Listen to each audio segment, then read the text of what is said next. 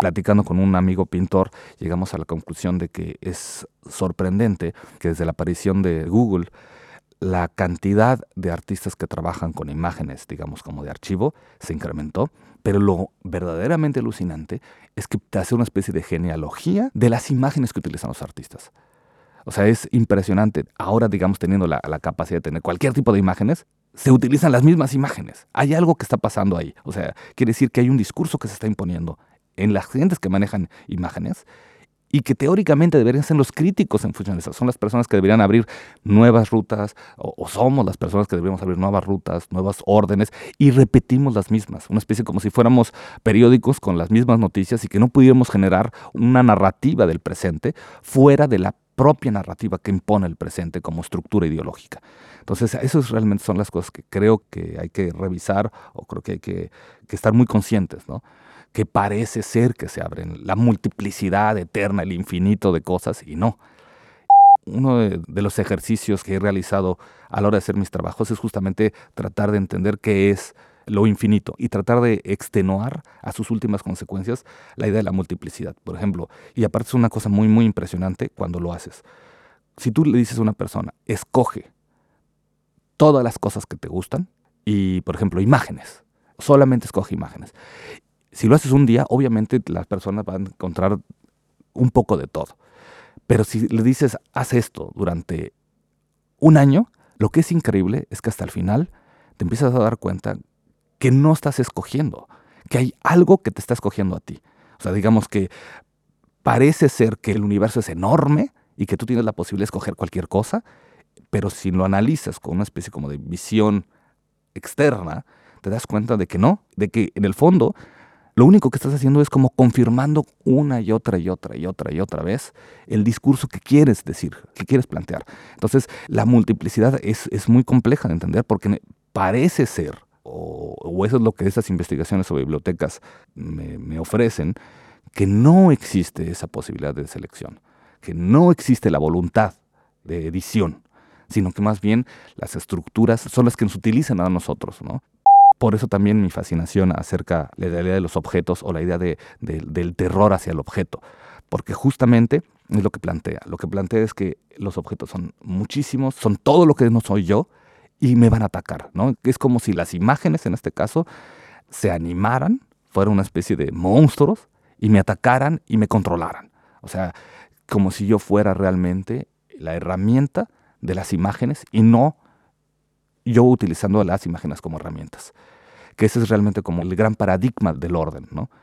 ¿Qué es lo que está ordenando y quién está ordenando? ¿Cuál es la voluntad que genera el orden?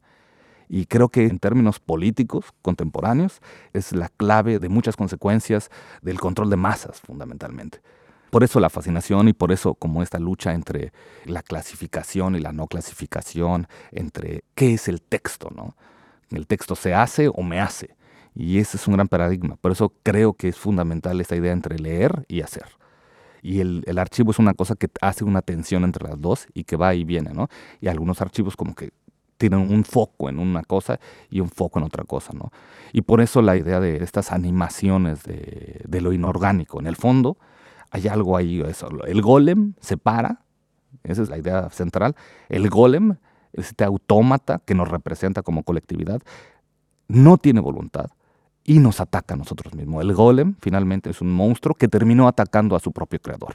Es la gran tradición de, Frankenstein y todas estas cosas, pero ese es el gran drama. ¿no? El golem contemporáneo es Google. ¿no? Creo que una de las cosas que el mundo contemporáneo ha conseguido, es uno de los grandes logros de la sociedad contemporánea, es la pérdida del concepto de unidad.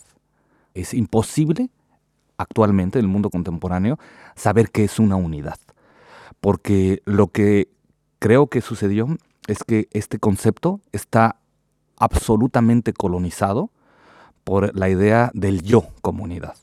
O sea, el yo en el mundo contemporáneo es lo único que nos permite decir hay unidades. Y lo que es impresionante es que es una especie de espejismo. Es evidentemente, si la única unidad que existe es el yo, pues es que no puede haber una sociedad de yo es todos al mismo tiempo. O sea, básicamente es un gran engaño. Y esto hace que la idea, por ejemplo, de escala o de relación entre las cosas se pierda. En el mundo contemporáneo es súper complejo entender cuál es la escala a la cual te estás manejando. O inclusive cosas tan obvias como entender cuáles son los puntos de referencia que establece, por ejemplo, el discurso económico. Justamente el discurso económico es una de las grandes herramientas de la sociedad contemporánea para borrar las ideas de escala. Que te digan que hay la deuda por 5 mil millones, es inútil. O sea, de hecho, creo que una de las razones por las cuales te dicen estas cifras todo el tiempo es para desaparecer la idea de cifra porque son abstractas, no significan nada. Me imagino que el 99% de las personas, incluyéndome, no tengo la más remota idea qué significan esas cifras. No hay punto de comparación. Y como no hay punto de comparación y las tienes constantemente enfrente, no puedes comparar nada con nada, ¿no? Entonces, inclusive hay una canción de Leonard Cohen, ¿no? Que dice que el fin de los tiempos llegará cuando no se pueda medir nada. Pero es que es justamente uno de los grandes logros de, de la sociedad, que no hay forma de comparar las cosas. Y si no hay forma de comparar, no hay escalas, no hay forma... Primero, no tienes punto de localización, te pierdes dentro de cualquier superficie, dentro de cualquier orden, porque no importa, porque si el yo está bien, todo funciona. Entonces te pierdes en estructuras espaciales. Entonces no tienes puntos de referencia. La otra, no sabes cómo ordenar las cosas, pues porque evidentemente no las puedes comparar. Y entonces pierdes la posibilidad de lectura. Entonces creo que esto es un gran, gran, gran problema y es una cosa que se va instaurando una y otra y otra vez, ¿no? O sea, de alguna manera la idea del capitalismo difuso que hablaba de Bord es esto, es difuso porque no hay ni siquiera contra quién pelearte, porque tendrías que pelear contra ti mismo. Pero eso afecta la forma en la cual leemos las cosas, eso afecta la forma en la cual podemos como organizarnos y tener puntos de entrada. Yo creo que las instituciones deben de, o bueno, sí, las personas que se interesan por estas lecturas deberían o deberíamos enfocarnos más justamente a la recuperación, bueno, no ni siquiera recuperación, sino simplemente a, establecer estos puntos de apertura del discurso. O sea, la estructura del, lenguaje contemporáneo es la homogenización y yo creo que debería ser lo contrario, debería ser la multiplicidad y aparte de su multiplicidad un poco como extraña, un poco incluso parecería contradictoria, porque creo que debe ser en función a modelos. Pero es un modelo de construcción de multiplicidad de modelos.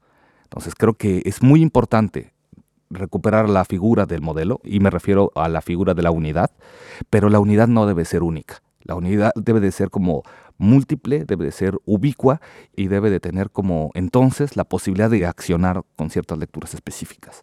Creo que eso es como tener una lectura crítica. O sea, a eso es lo que yo llamo como un análisis crítico de las cosas.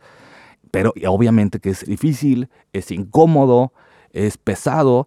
¿Por qué? Pues porque tienes que estar todo el tiempo reconstruyendo y reconstruyendo pero creo que es lo que se necesita. Creo que eh, la idea del confort en el mundo contemporáneo es una cosa súper destructiva y que todo está eh, dirigido, toda la estructura, por ejemplo, de la publicidad que hablábamos, está en función a esos órdenes de confort. Y ese confort basado en esta unidad que es el yo.